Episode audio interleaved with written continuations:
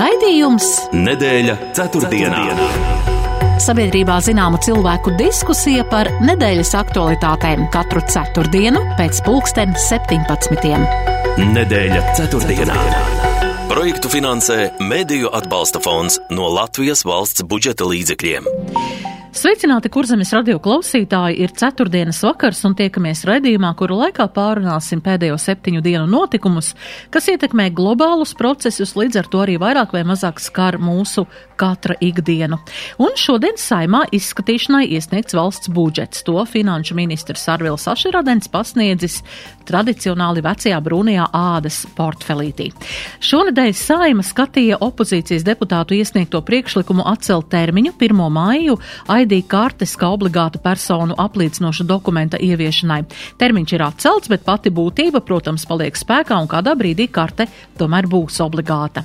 Ukrainas prezidents Volodimirs Zelenskis devies ārvalstu vizītēs Eiropā, Lielbritānijā, Francijā, Briselē, tiekoties ar valstu līderiem un apspriežot jautājumus, kas saistīti ne tikai ar Ukrainas, bet ar visas Eiropas brīvību, demokrātiju un drošību. ANO ģenerālsekretārs šo pirmdienu uzrunājot ģenerālo asambleju paudis paudis bažas par to, ka mazinās izredzes uz mieru pasaulē, vēršot uzmanību uz klimata pārmaiņām, nabadzības pieaugumu un kāru Ukrainā. Vēl šajās dienās esam sagaidījuši solāro un meteoroloģisko pavasari, vismaz kurzemē, un nevar noliegt, ka gaisma un gaisa temperatūra virs nulles atzīmes turoties priecē mūs visus. Par tēmām plašāk sarunāšos ar lieliskām raidījuma viešņām, un šodien tās ir Latvijas Universitātes sociālo un politisko pētījumu pētījumu institūta vadošā pētniece Žaneta Ozoliņa. Labdien! Labdien! Un Rīgas Stradiņa universitātes lektore Lelde Metla Rozentāle. Labdien! Labdien! Un man jums tāds jautājums ievadam. Brūnais ādas portfelītis tomēr atguvis savu simbolisko uzdevumu, kas viņam bija uzticēts, jeb tam uzticēts vairāk gadu garumā. Kāpēc, jūsuprāt, baltais koka koferītis tomēr savu funkciju neturpināja? Neskatoties uz to, ka, nu, jaunās vienotības finanšu ministrs bija gan pagājušajā uh, koalīcijā valdībā, gan arī šajā. Kā jūs to vērtētu? Sākšu ar jums, Žaneta. Es domāju, ka tradīcijām ir ļoti liela nozīme. Un bieži vien, kad budžets tiek nodots saimai, tad uh, daudz lielāku uzmanību mēdīju pievērš portfelītam, varbūt nekā tās saturam. Un, uh, lai arī sākuma, sākotnēji šis modernais digitālais formāts šķiet kā kaut kas ļoti pievilcīgs, tad beig, beigās tomēr tradīcijām ir liela loma. Nu, gluži tāpat kā grāmatām stāstīja, ka grāmatas pazudīs no veikala plauktiem un visiem būs tikai e-grāmatas nekur nav pazudušas. Esam atgriezušies atpakaļ pie vecā labā formāta. Un tā arī ar portfelī. Jā, Lelde, kā jūs redzat šo? nu, man liekas, mēs tomēr um, Latvieši esam tāda pietiekami konservatīva nācija, un uh, pagājušajā gadā, kad bija tas koku portfelīts modernais, tad diezgan daudzus tas tā nepatīkami satrauca, un cilvēki, nu, dikti jutās vīlušies, ka tādas konservatīvās tradīcijas tiek mainītas, un tad es domāju, lai tomēr acīm redzot, uh, vismaz tas sabiedrību nesatrauktu, nu, tad, tad, tad ir atgriešanās pie tām tradicionālajām vērtībām, ko, ko vairākums tomēr labāk saprot nekā koka kastīti, ko nes pie rokas. Jā, jo koku kastītēm ir arī citi tādi dažādi uzdevumi, ko arī pagājušajā gadā pielīdzināja arī budžetam, vai ne? Jā, nu bet runājot tomēr, jā, budžets šodien tika tātad nogādāts saimā, pasniegts saimas priekšsēdētājiem Edvardam Smiltēnam. Kā jūs redzat, šajā budžetā ir prioritātes tātad aizsardzība, veselība un izglītība, un mēs jau esam dzirdējuši arī ministru prezidentu tādu, tādu, tādu tādu viedokli arī pēc tikšanās ar valsts prezidentu šajā nedēļā par to, ka tomēr būs uh, daudz pārmaiņu mm, jāveic arī gan izglītības sistēmā, gan veselības sistēmā, jo ieguldītā nauda tomēr uh, nu, kā, uh, savus rezultātus nesasniedz un līdz ar to ir jāmeklē, kā kaut ko reorganizēt, kaut ko darīt savādāk, lai šī ieguldītā nauda tomēr kādu rezultātu nestu. Prioritātes tātad aizsardzība, veselība, izglītība. Kā jūs redzat jā, kā, kā mēs varēsim kaut ko varbūt mainīt, kā tas ir izdevies šajā, šajā budžeta projektā. Lelde, jūs sākšu ar jums. Nu, jāsaka, ka kopumā, protams, bija skaidrs, ka esošā ģeopolitiskā situācija a priori liek akcentu likt uz drošības, uz, proti uz ārējo drošību un arī, protams, uz iekšējo drošību un iekšlietu sistēmas stiprināšanu, kas mums nenoliedzami, sākot no ugunsdzēsējiem un beidzot ar policistiem, bija visu laiku diezgan tādā, nu, sērdienīša, um, tā, statusā palikuši, un līdz ar to tas nenoliedzami ir labs, labs darbs un, un labs mērķis. Uh, nu, protams, kā vienmēr tā mm, izglītība arī ir ta, tas, bez kā mēs nevaram domāt par šo te ilgtspējīgo attīstību, bez kā mēs nevaram veikt ekonomikas restartu un modernizāciju, par ko runā valdība un par ko runā parlaments. Tātad tur nav šaubu, ka izglītībai ir jādod. Vienlaikus, protams, tiek akcentēts, ka beidzot ir, eh, nu, ka beidzot tiks gaidīti arī rezultāti attiecībā uz šo te ļoti, nu, sensitīvo, nepatīkamo tēmu, proti skolu tīkla reforma, jo mēs zinām, ka tīpaši, nu, reģionos eh, tas nav populārs temats un daudz kur eh, skolas ir viena no darba vietām, kas dod pietiekam lielam vietējo iedzīvotāju lokam nodarbošanos gan kā pedagogiem, gan kā atbalsta personālam, un līdz ar to, protams, protams, ka cilvēkos ir pilnīgi saprotams bažas par, par šo skolu eh, skaitu samazināšanu.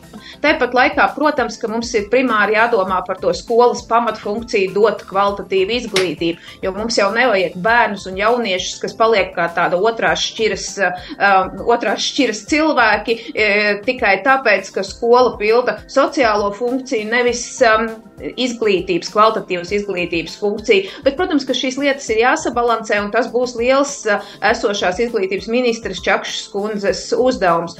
Nu, un skaidrs, ka veselības aprūpas sistēma, protams, arī um, ir joma, kuru nu, vēl noteikti ilgi varēs pilnveidot un pilnveidot, un, uh, un katra, uh, katrs um, segments, teiksim, mēs redzam, uh, onkoloģijas pacienti saka, ka budžetā ir nepietiekami daudz finansējums, un, nu, teiksim, ir daudz. Um, medicīnas sektori, kuri, kuri, protams, norāda uz to, ka viņi vēl aizvien nejūtās apmierināti ar finansējuma apjomu. Bet tāpat laikā skaidrs jau ir arī tas, ka uh, nu, budžets nav bezizmēra, un, uh, ja mēs atkal klausamies ekonomistos, tad viņi saka, ka nu, tā būtiski palielināt jau esošo budžeta deficītu tomēr nebūtu tas pareizais solis. Un, uh, līdz ar to nu, šobrīd runāt par to, ka mēs taču varētu vēl aizņemties un uz tā rēķina iedot arī tām nozarēm, kas šobrīd saka, ka viņas varbūt ir kā, nu, uh, nedaudz mazāk saņēmušas, kā, kā, kā bija rēķinājušās, uh, tad, nu, tad no vienas puses, protams, mums ir jāsaprot, ka ik viens parāds būs jādod, un tā kā šobrīd tā aizņemšanās ir kļuvusi dārgāk, tie kredīta procenti ir dārgāk nekā tas bija Covid periodā,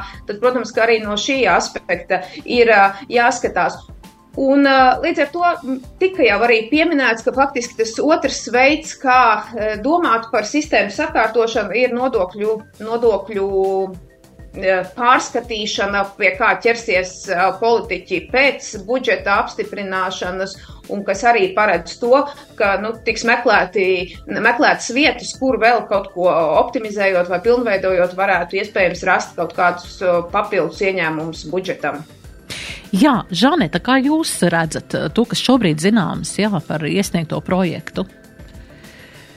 Es neatceros uh, lat, neatkarīgās Latvijas, es domāju, atjaunotās Latvijas vēsturē tādu gadu, kāds būtu teicis, ka budžets ir labs un ka naudas pietiek.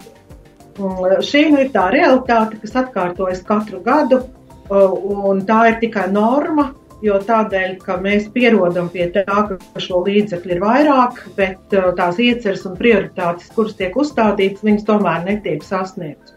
Un līdz ar to, jā, nu, tas ir tas process, mērķis iet pa priekšu, un, un savukārt tā nauda, kura ir pieejama, tās nav pietiekama. Bet es gan gribētu teikt, ka man ir ļoti liels cerības. Nu, cerības, protams, mirst pēdējā, bet man ir liela cerība, ka tiešām uh, šī jaunā valdība un arī vismaz tie, tās apņemšanās, tie vēstījumi, kas pēdējā laikā ir izskanējuši, viņi arī realizēsies. Naudas nekad nebūs pietiekami, ja nebūs skaidra sistēma, kurā šī nauda tiek ieguldīta, kāda ir apdeva un kā šī sistēma strādā. Un, ja mēs paskatāmies, vai tā būtu veselības joma, vai tā būtu izglītības joma, vai arī iekšējās drošības joma, ar ārējo tur varbūt mazliet skaidrāk. Bet visās šajās trijās jomās, piedodiet, nu, mums nav skaidrība, kā sistēma strādā. Ja? Un ikvienam, kam cilvēks, radinieks vai kāds ir nokļuvis slimnīcā, ir saskāries ar to, kā šī sistēma strādā. Nav runa par ārstu kvalitāti, bet ir runa par sistēmu. Ja? Kura nodrošina atbilstošu pakalpojumu un to, ka cilvēks jūtas labi šajā sistēmā, jo nu, veselības sistēmā cilvēkam ir jājūtas labi. Un gluži tāpat arī ar izglītību. Ja? Uh, joprojām, vai tā būtu augstskola pārvalde, vai tā būtu skolu uh, tīkla optimizācija, ko Lēlija jau pieminēja, nav taču skaidrības. Ja? Un būtu tikai dīvaini, ka pastāvošai neskaidrībai vēl tiktu ieguldīti papildus līdzekļi, vēl un vēl un vēl, pie tam nezinot, no kurienes šie līdzekļi nāk. Ja? Mēs nodokļus maksājam tik, cik maksājam, un savukārt aizņemties uz augstiem procentiem, kurus maksās mūsu bērni, mazbērni, arī nav prāta darbs. Ja? Ja, faktiski ir tā, ka nu, man vienmēr, vismaz nodarbojoties ar pētniecību, ir vairāk vai mazāk skaidrs. Ja tev nav ideja, nemaz neprasa naudu. Ja? Vispirms tur ir projekta ideja, un, ja ideja ir laba, tad tu naudu dabūsi pie jebkādiem apstākļiem. Ne? Un es domāju, ka šim ir jāstrādā arī tādā valsts līmenī, ka ir jābūt skaidrai sistēmai ar nospraustu mērķi, un tad nauda arī pakāpeniski kalpo šī mērķa sasniegšanai. Jā. Jā, un, protams, ka ir tā, ka tas uh, sistēma vienmēr pretosies pārmaiņām. Nu, vienalga, mēs redzam, kaut vai izglītības sektoru, tur jau uzreiz atskan draudi atkal par streiku, jo tur ir kaut kādas mazas bažiņas parādījušās, un tā ir norma, jo sistēma jau vislabāk jūtās tajā esošajā drošajā stāvoklī. Un tad, kad tu zini, ka tev kaut ko liks mainīt, tad tas ir tīri cilvēcīgi. Tās ir bažas, ka tas ir apdraudējums manai līdzšinējai drošajai vietai, un tad es, tad es labāk sāku uzreiz pretoties, lai mēģināt šo procesu apturēt. Tas ir viens tāds paradoks. Un otrs mazais paradoks, es arī pilnīgi Ozoliņas kundzei piekrītu par to, ka mēs, tad, kad valsts vairāk aizņēmās, tad tas um, dominējošais, ko visu laiku teica, kāpēc jūs aizņematies? Aizņemties nedrīkst, tas ir ļoti slikti. Visur televīzijā, visos raidījumos dusmojās. Vakar, vakarā skatos raidījumu, kurā saka, jūs neaizņematies, vai nu kā aizņemties, taču mēs varam aizņemties. Un tad es domāju, nu, tad varbūt kaut kā tomēr tā pozīcija ir jānosprauž tāda stingrāk. Vai ir labi aizņemties, vai ir slikti aizņemties, vai ir kaut kādi standarti, nu, teiksim, kritēriji, pie kuriem un kā mēs aizņemamies, jo citādi, nu, tad rodas tāda tā nedaudz mulsinoša situācija. Jā, bet, Jā, bet es mhm, gribētu, mm -hmm. ja drīkst, vienu komentāru man gribējās tomēr pateikt, ka Mums tomēr ir jāņem vērā, ka neraugoties uz to, ka neatkarība ir atgūta jau vairāk nekā 30 gadus atpakaļ, mēs tomēr esam ļoti jauna valsts, kurai ir jāveic pastāvīgi ļoti daudz, liels skaits reformu, ja? bet tam tādu nu, drastisku reformu. Un plus vēl mums jāliek klāt tomēr ļoti smagās krīzes, gan 2008. un 2009. gads, gan, protams, tas, kas bija saistīts ar, ar, ar Covid, gan karu. Faktiski tā arī pat trauslā sistēma, kas tiek iedibināta, viņa tiek arī nu, diezgan būtiski ietekmēta no dažādiem ārējiem faktoriem, kurus papildina, protams, arī iekšējais vājums, šī nesakārtotā sistēma. Ja? Jo paskatieties, Covid labāk pārdzīvoja tās valstis, kurās tomēr bija nu, tādas sakārtotākas uh, šīs veselības sistēmas un arī pieejama līdzekļi nekā tās valstis, kuras varbūt bija palaidušas šo jomu pašposmā. Jā, mums tagad jāaiziet mazā reklāmas pauzītē, un pēc tam mēs turpināsim. Nedēļa ceturtdienā. ceturtdienā.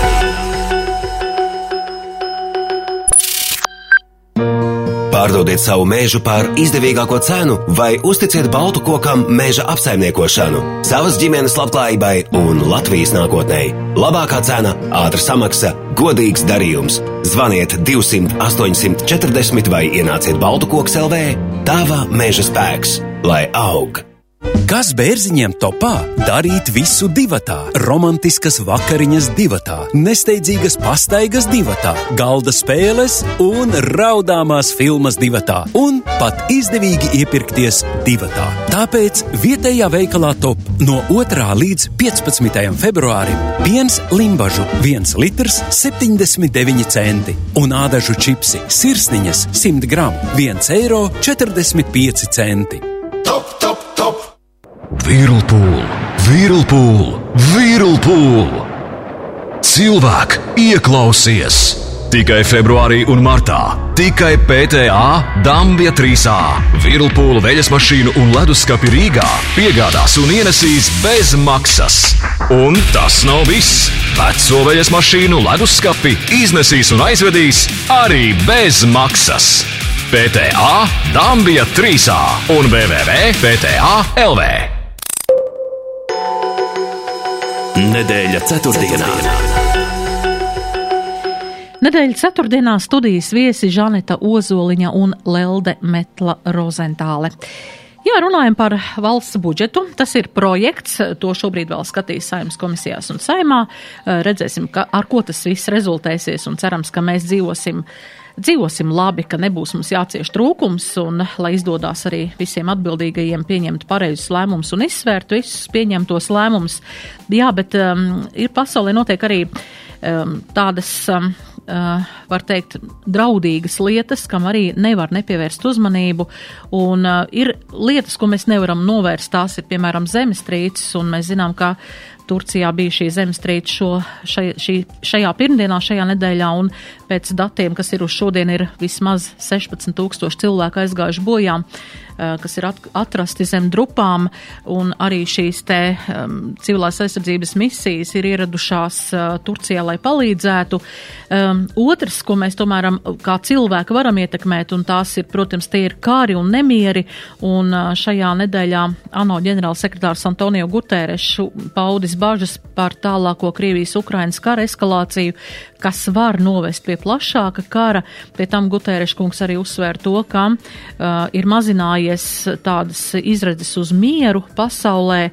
Un varbūt, jā, Žaneta, jūs varētu pāraksturot, kā jūs šobrīd redzat šo uh, kara, um, uh, šo te. Uh, procesu un arī kontekstā ar to, kādas ir attiecības šobrīd ASV un Ķīnai, uh, ņemot vērā, ka arī tik notriekt šis balons, kas bija izlūkošanas balons, par ko, kas arī ir savā ziņā ietekmējis ASV un Ķīnas attiecības un vispār jā par šo startautisko skatu šobrīd varbūt jāpastāstiet, kā jūs redzat.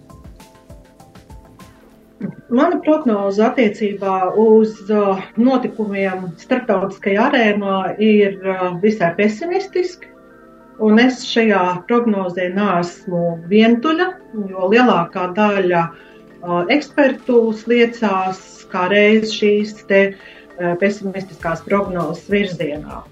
Un viens no iemesliem, kāpēc pasaule iet šajā pesimismu virzienā, ir ir tas, ka tie ļoti trauslie, bet tomēr iedibinātie mehānismi krīžu novēršanai, konflikta novēršanai, kas bija saistīti ar ANO darbību, kas bija saistīti ar dažādu parakstītu līgumu, vismaz nosacītu, bet tomēr darbošanos.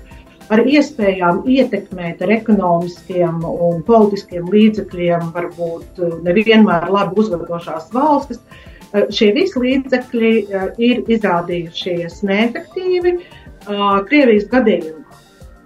Un šāda viena liela nozīmīga aktiera, kas arī ir ANO drošības padomus locekle, dažādu starptautiski panāktu nolīgumu un regulējumu ignorēšana, ir tā, kas parāda, ka ir sākusies, nu, ja tā varētu teikt, jauna normalitāte, kurās karš, konflikti, vardarbība būs klātesoši.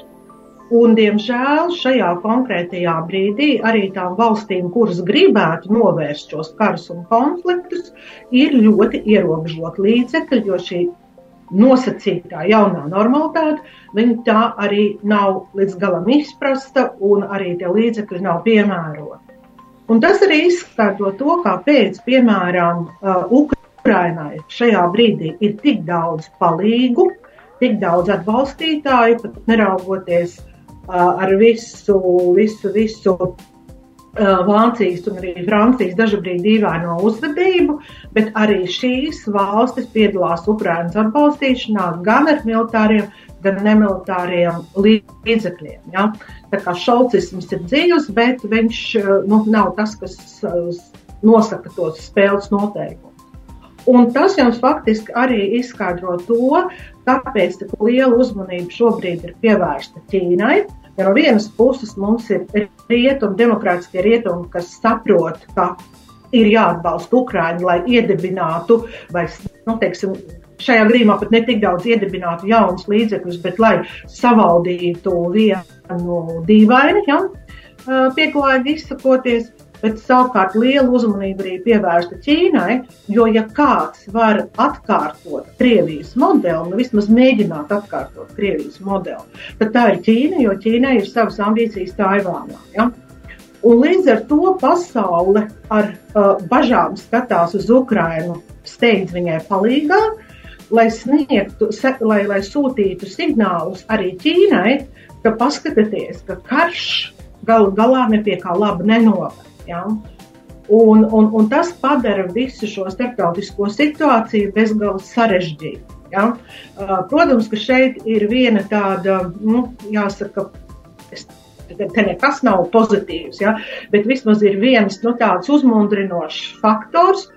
Un tas uzmundrinošais faktors ir tas, ka Amerika ir atpakaļ šajā lielajā starptautiskajā spēlē. Uh, Un Amerikai ir gan ekonomiskie, gan militārie, gan arī politiskie līdzekļi, lai varētu vismaz mēģināt ja, šo situāciju vērst nu, teiksim, tā, pozitīvā virzienā. Ja. Tā kā situācija ir ļoti sarežģīta, un šajā brīdī mēs jau kā mantru atkārtojam, ka paldies tiem politiķiem, kas 2004. gadā un pirms tam ieved Latviju Eiropas Savienībā un NATO. Jā, Lelda, kā jūs redzat arī, varbūt jums ir savs skatījums uz procesiem šobrīd Ukrainā un kā tas attīstās? Nu, ne, tas, teiksim, pilnīgi pievienojoties visam, ko profesori jau teica, protams, ka mums ir jāsaprot, ka tur visā iekšā ir arī jā, stāsts par ekonomiku un par to, ka jo valstis ir tālāk no Ukrainas, tīri geogrāfiski, jo, teiksim, iekšēji sabiedrībā, vismaz daļā sabiedrības ir vājāka izpratne par to, nu, cik tiešām Krievija ir bīstama un cik viņa ir liels drauds. Un tad, kad, teiksim, kādas, piemēram, Francijas mazpilsētas iedzīvotājiem ir vairāk jāmaksā par elektrību vai par apkuri vai par vēl kaut ko, tad viņš ļoti sāka dusmoties tas no tādām personīgām sarunām ar viņiem uz, piemēram, Makronu, kurš tagad vairāk, nu, tā kā sliecās tomēr nosodīt, un nevis sliecās, bet nosoda un vairs nemēģina, teiksim, ar draudzīgām sarunām kaut kā atrisināt konfliktu ar Krieviju. Un, līdz ar to šeit, protams, tas arī uh, rada tādu, nu, tos, to situācijas eh, neviennozīmīgumu Eiropas līmenī. Un, eh, protams, ka mēs redzam arī no Krievijas puses tiek likti lietā visdažādākie instrumenti, kaut vai uh, olimpiskās spēles, uh, kurās vai nesāks stāsts par to, ka nevajag jaukt mm, sportu ar, ar politiku un uh, ka varbūt, ka tomēr, uh, ka sportisti var piedalīties olimpiskajās spēlēs. Uh, un tieši tāpat mēs Latvijas mērogā redzam kaut vai šo te ogres gadījumu tiem Piotram Avenam piedarošajiem traukiem, kurus pēkšņi tik dikti vajadzēja izstādīt tieši šajā brīdī, lai arī iespējams parādīt, ka nu, viņš ir gal beigās tāds jauks cilvēks, kāpēc pret viņu sankcijas, redz, viņš mīl latviešu māksliniekus un krāj mūsu mākslinieku vai ne apgleznotos traukus, un varbūt, ka tas tā kā nedaudz viņu attaisno, un viņš nemaz nav, ne, vērtējams tik negatīvi kā citi Putina atbalstītāji. Nu, tā kā, protams, ka mēs redzam šo te slēpto, neredzam patiesībā, bet nojaušam šis, šis te slēptās saites un slēptos ietekmes instrumentus, kas atrodas Krievijas uh, rokās un ko viņa, protams, uh, liek lietā un atrod arī šur un tur un diezgan daudz, kur dzirdīgas ausis. Jā, ir vēl viens aspekts, par ko es gribēju, lai jūs pakomentētu, tas ir Turcijas loma visā šajā. Jo mēs zinām, ka Turcija arī šobrīd ir tā kā uh, pret iestāšanos uh, NATO, tātad Zviedrijai. Savukārt Somija gaida, kad Zviedrijai būs uh, atļaus šo, šo uh, iestāšanos NATO organizācijā. Un piedāvām vēl tas, ka tur ir šīs te uh, reliģiskās, šie reliģiskais konflikts. Šeit ir musulmaņu valsts un, uh, un Zviedrija, kur, kur ir demokrātija, kur tā kā ir noticis arī šis notikums 21. janvārī ar Korāna eh, šīs te eh, dedzināšanu, ne, ne īsti, nu, šīs kopijas dedzināšanu. Eh, kā jūs redzat Turcijas lomu šajā visā? Jo viņi tomēr uzsver, ka viņi ir, nu, tāda nozīmīga spēlētājs arī, nu, tā kā miera panākšanā Eiropā. Žaneta. Uh, es varbūt burtiski pāris teikumos um, gribu turpināt to, ko, ar ko Lēlda pabeidza, un tad es par Turciju. Ja? Uh, faktiski ir tā, ka Eiropas um, pilsoņu prātos ir noticis lūzums. Ja? Uh, jo retais Eiropas iedzīvotājs nezina, ka Ukrainā notiek karš un kur Krievija ir agresors. Bet, protams, ka ir ļoti grūti no Krievijas, kura ir piegādājusi bagātus turistus, kur ir tērējuši naudu, jā, pēkšņi vienā jaukā brīdī pateikt, kā, a, kā tas vispār varēja notikt. Jā. Bet te ir viena labā vēsts, un tā labā vēsts ir tā, ka tas lūzums ir noticis, ka tādu ilūziju par Krieviju vairs nav, bet ir saglabājusies telpa, tas, ko Lēlda teica, dažādām Krievijas manipulācijām. Un šajā situācijā ir ļoti svarīgas Baltijas valstu un Polijas valsts Eiropā un NATO, kura pastāvīgi atgādina, ja, turiet acis vaļā un ausas, jo manipulācijas vēl būs un viņas būs visnegaidītākās. Ja. Tā kā, nu, šī ir viena jauna ārpolitiska un drošības politikas loma arī mums, ja būt tādiem skaļiem un pārliecinošiem par to, kas notiek Ukrainā. Kas attiecās uz Turciju, Turcijai vienmēr ir bijusi sava specifiska loma e, NATO, bet arī starp citu Eiropas Savienībā, ja jūs minējāt par reliģiju. Bet uh, Turcija bija uzsākusi sarunas ar Eiropas Savienību, neraugoties uz reliģiskām atšķirībām. Ja? Tā kā uh, Turcija faktiski vienmēr ir ieguvusi nu, tādus papildus varas ietekmes punktus caur to, ka viņa ir liela, caur to, ka viņi parāda, ka, ka uh, islāma valsts var būt uh, modernizēta, ja? ka viņi tik tiešām mēģina iet šo modernas valsts um, ceļu, nevis visu laiku atskatīties atpakaļ uz reliģiskām uh, dogmām un principiem. Uh, viņa bija izdevīga un joprojām ir izdevīga ģeostrateģiski. Ja jūs paskatāties teiksim, to NATO izkārtojumu, tad Turcija ir ļoti nozīmīga vieta gan gan Eiropā, gan arī plašākā transatlantiskā telpā.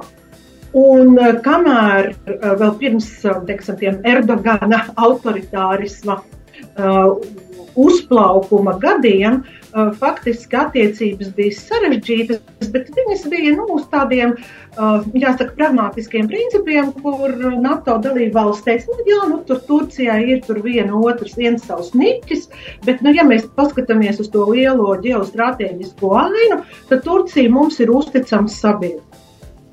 Savukārt, ja mēs paskatāmies uz to, kas notika Sīrijā, uz to, kas tagad notiek Ukrajinā, tad šeit faktiski, ja mēs liekam kopā Turcijas uh, pašas intereses plus Erdogana uh, pozīciju saglabāšanu iekšpolitiski Turcijā, tad mēs iegūstam ļoti sarežģītu spēlētāju, kurš vairāk spēlē savu spēli nekā transatlantiskās kopienas spēli. Ja?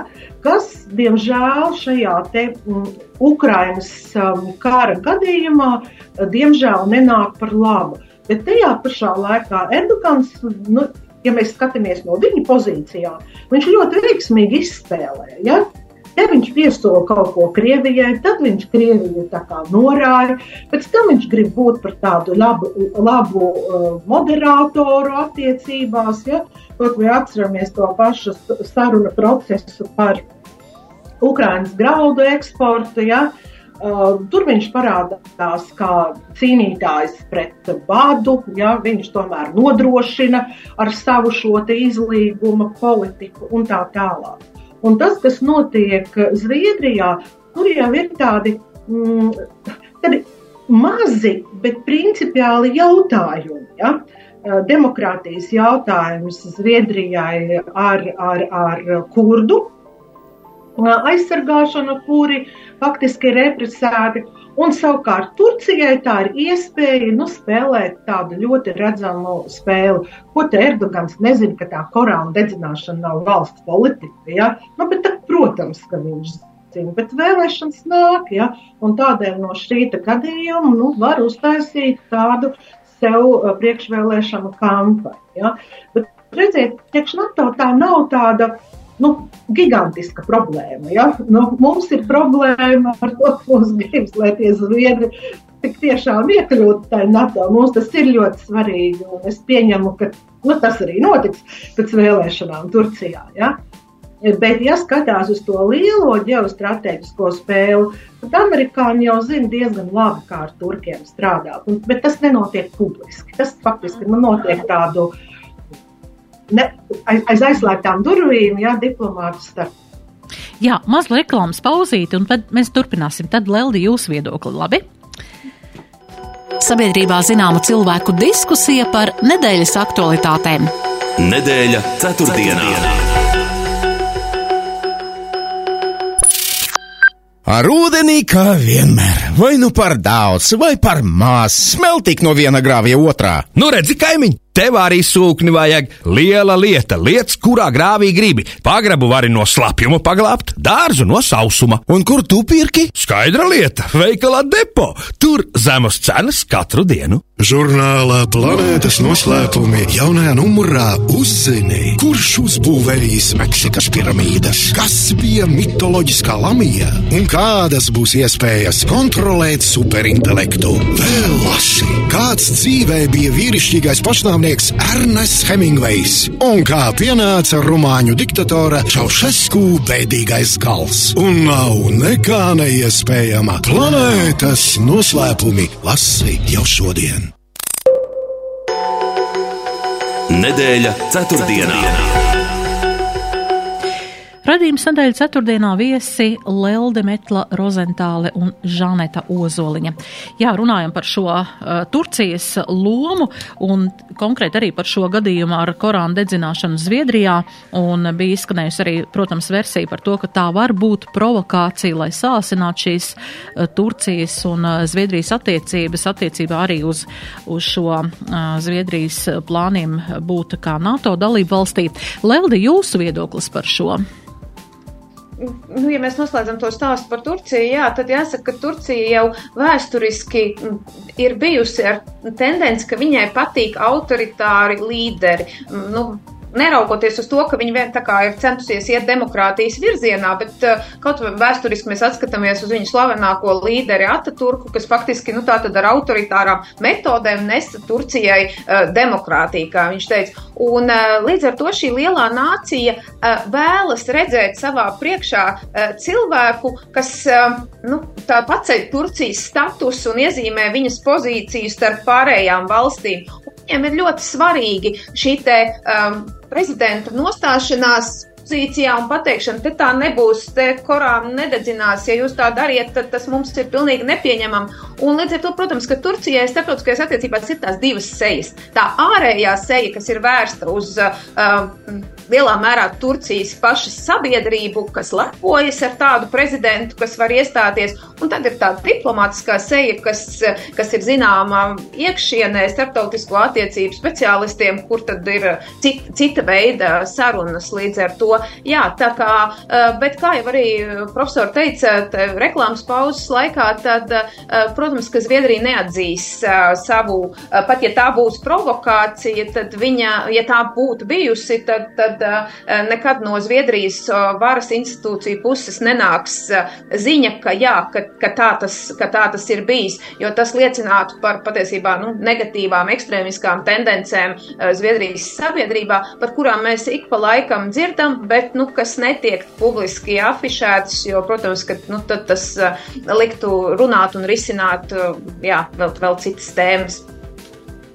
Jā, es domāju, ka Turcija arī agrāk mēs esam eh, dzirdējuši arī par to, ka eh, Eiropas Savienībā, tad švārti uz, eh, ka viņi kā vārti ir šiem te bēgļiem, kas, kas ieradās no Āfrikas valstīm, ka arī tur viņi izmantoja to savu, savu ģeo, geogrāfisko stāvokli, šo, šo pozīciju, kad, nu, nelaist, ja, un iegūt savai valstī līdz ar to līdzekļus, un, un, un lai varētu, lai varētu uh, dzīvot. Jā, ja mēs vēl runājam par Baltā nama un Ķīnas attiecībām, tad jā, šajās dienās tika arī notriekt šis izlūkošanas balons. Vai, vai jūs varat komentēt, varbūt, ko tas nozīmē nu, cilvēkiem, kas nezina, nav sekojuši līdzi tam, ko tas varētu varbūt izraisīt? Kādas varbūt arī savstarpējas tādas nesaskaņas vairāk ASV un Ķīnai? Žaneta. Es nedomāju, ka šeit, jā, es nedomāju, ka šeit mēs varētu gaidīt kaut, kaut kādus uh, krasus pavērsienus uh, vai nu, uh, lielāku konfliktu vai pat kādas vardarbības gadījumā, jo tā ir tikai normāla prakse, ka lielas valstis, jo īpaši uh, spiego, spiegošanas gadījumā, Uh, mēdz arī nodemonstrēt to, ka viņas ar uh, vērīgu aci vēro, kas tur notiek. Ja? Uh, tā kā, protams, ne, to, to nevarētu uzskatīt par tādu mm, nu, ikdienas normālu praksi, bet, bet tik redzamā veidā tas notiek. Ja? Bet to, ka spiegošana ir daļa no starptautiskās politikas, tas pats par sevi ir uh, saprotams. Uh, Uh, to, ka notrieca šo gaisa balonu, tas tikai normālāk, ko tad citu darīt. Ja? ja jau tas tiek darīts tik atklātā veidā, bet es domāju, ka ķīnieši arī ar to rēķinājās. Un savā ziņā tas arī ir tāds tests, nu, notrieks, nenotrieks, ja, kādi būs komentāri, kas ar to visu tiks darīts, ja, kāda būs reakcija. Jo jāņem vērā ir tas, ka mm, faktiski ASV klātbūtnē kopā ar saviem sabiedrotajiem Dienvidaustrumāzijā ir ļoti acīm redzama. Un amerikāņi visu laiku atgādina par to, ka viņi arī uh, tur rūpi par drošību šajā reģionā. Ja, jo tur ir gan viņu draugi Japāņi, uh, tur ir viņu draugi Jaunzēlandieši un Austrālieši, ja, uh, nemaz nerunājot Taivānu.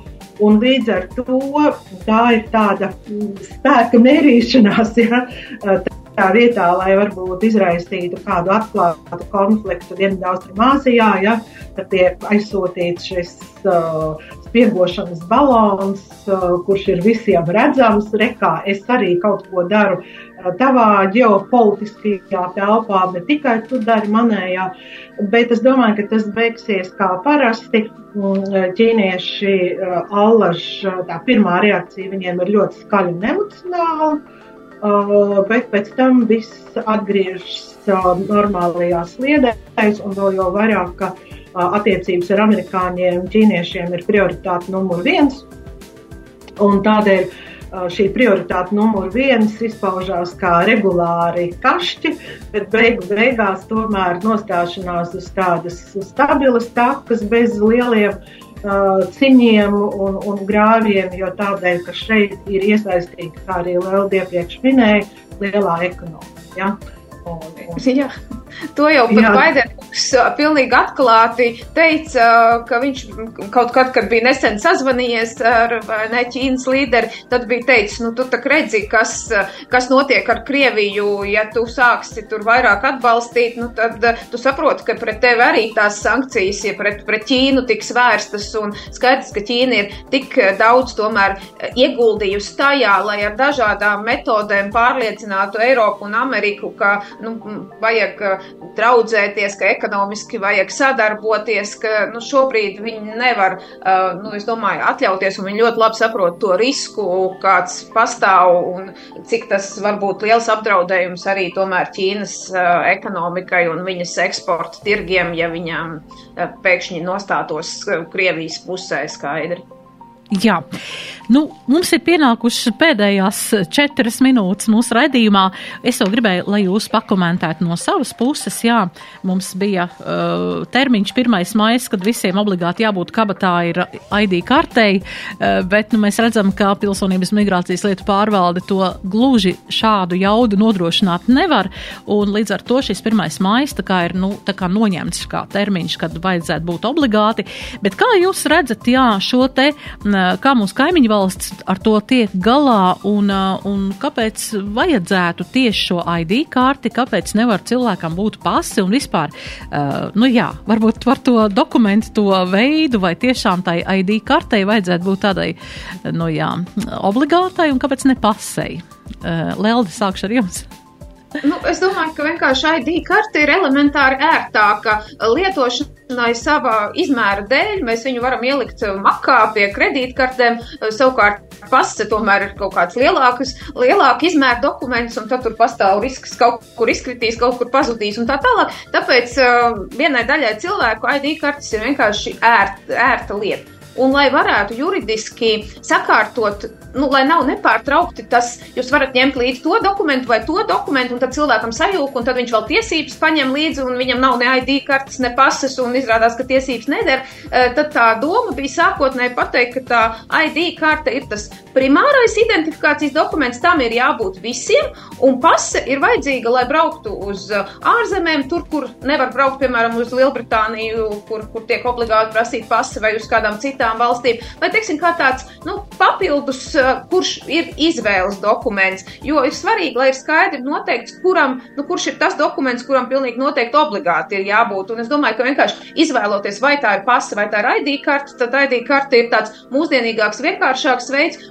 Tu vari arī vienkārši piesaistīt, teiksim, to pašu elektronisko pārakstu vai vēl kaut kādas funkcijas. Nu, viņa ir varbūt tāda vienkāršāk izmantojama un daudzpusīgāk izmantojama nekā, nekā pasa. Bet redzam, ka tā kapacitāte vienkārši fiziski dēļ tā, ka pilsonības migrācijas lietu pārvaldei cilvēku resursu trūkums ir problēma, nu, respektīvi tā ir viņu problēma, jo atalgojums ir ļoti mazs un neviens neraujās strādāt tieši šajā apkalpojošajā segmentā un kas, kas noved pie tā, ka viņi nevar fiziski apkalpot to cilvēku skaitu, kas, kas vēlas šos dokumentus saņemt. Un līdz ar to tā jau arī teica, nu, ka, lai, lai neradītu šīs rindas un cilvēkiem stresu un to, ka viņi, nu, respektīvi jūtās, ka viņi nepaspēs un nedabūs to dokumentu un jābrauc no Rīgas uz Daugavpili vai vēl kaut kur, kur ir mazāka rinda, uh, nu, lai to noņemtu. Šobrīd tas termiņš ir tā kā nenoteikti pagarināts, bet kā var saprast, tad viņš nav atcelts, viņš vienkārši vienkārši ir tā, nu, nedaudz um, palicis tāds nekonkrētāks, lai, lai dotu iespēju un pilsonības migrācijas lietu pārvaldes darbinieki esošie arī neaiziet projām un nesajūtu prātā. Jā, es tikai domāju par to, ka mēs uzliekam termiņu un patiesībā mēs taču zinām, kādas ir jaudas un kādas, kāds varētu būt šis, uh, šis te. Uh, temps, kādā varētu apmainīt visu mūsu sabiedrība, Latvijas pilsoņu šīs te kartes. Jā, Žaneta, vai nu, jums vēl kaut kas? Mēs kā neizdomājam to līdz galam, vai ne? Elementāri. Nē, šobrīd mans īpašais sveiciens PMLP Liepājas nodaļai, kurai es mēģināju zvanīt trīs dienas, un trīs dienas man automātiskais atbildētājs teica, ka šī saruna tiks ierakstīta kvalitātes uzlabošanas nolūkā. Un trīs dienu laikā es tā arī pie sarunas nenokļuvu. Un man ir gan ID, gan pase. Man vienkārši drīzumā, drīzumā beigsies termiņš, un es esmu liela ceļotāja, ja, un darba, darba darīšanās daudz tur jābrauc. Un man vienkārši gribas uzzināt, ja, uzdot vienkārši jautājumu. Bet automātiskais atbildētājs strādā labi, bet cilvēks pietrūks nezinu. Jā, jā, sveiciens tātad visiem PMLP darbiniekiem. Paldies, ka jūs esat, protams, jā, bet, nu, daudz, daudziet mēs nevaram viņus vainot, jo vienkārši tāda ir sistēma. Jā, bet mēs aicinām laipni uz Kuldīgu, jo Kuldīgā daudziem izdodas apmainīt dzīvajā rindā stāvot savu dokumentu, tā kā reklāma arī Kuldīgas eh, nodaļai. Jā, paldies jums par šo sarunu šajā vakarā. Tātad sarunājos ar Latvijas Universitātes sociālo un politisko pētījumu institūtu vadošo pētījumu pētnieci Žanetu Ozoliņu. Paldies jums, Žaneta! Un arī ar Rīgas Stradiņa universitātes lektori Leldi Metlu Rozentāli. Paldies arī jums par sarunu un novēlu jums eh, tādu uh, jauku, izdevušos atlikušo darba nedēļu un arī brīnišķīgas brīvdienas un uz tikšanos atkal turpmāk. Pie skaņu pults bija mana kolēģe Adelīna Anna Ziemele, radījuma producente Anda Andersone, radījuma vadējs Daci Blūma un uz tikšanos turpmāk. Raidījums ceturtdienā. ceturtdienā. Sabiedrībā zināma cilvēku diskusija par nedēļas aktualitātēm katru ceturtdienu pēc pulksten 17. Nedēļa ceturtdienā. Projektu finansē Mēdīju atbalsta fonds no Latvijas valsts budžeta līdzekļiem.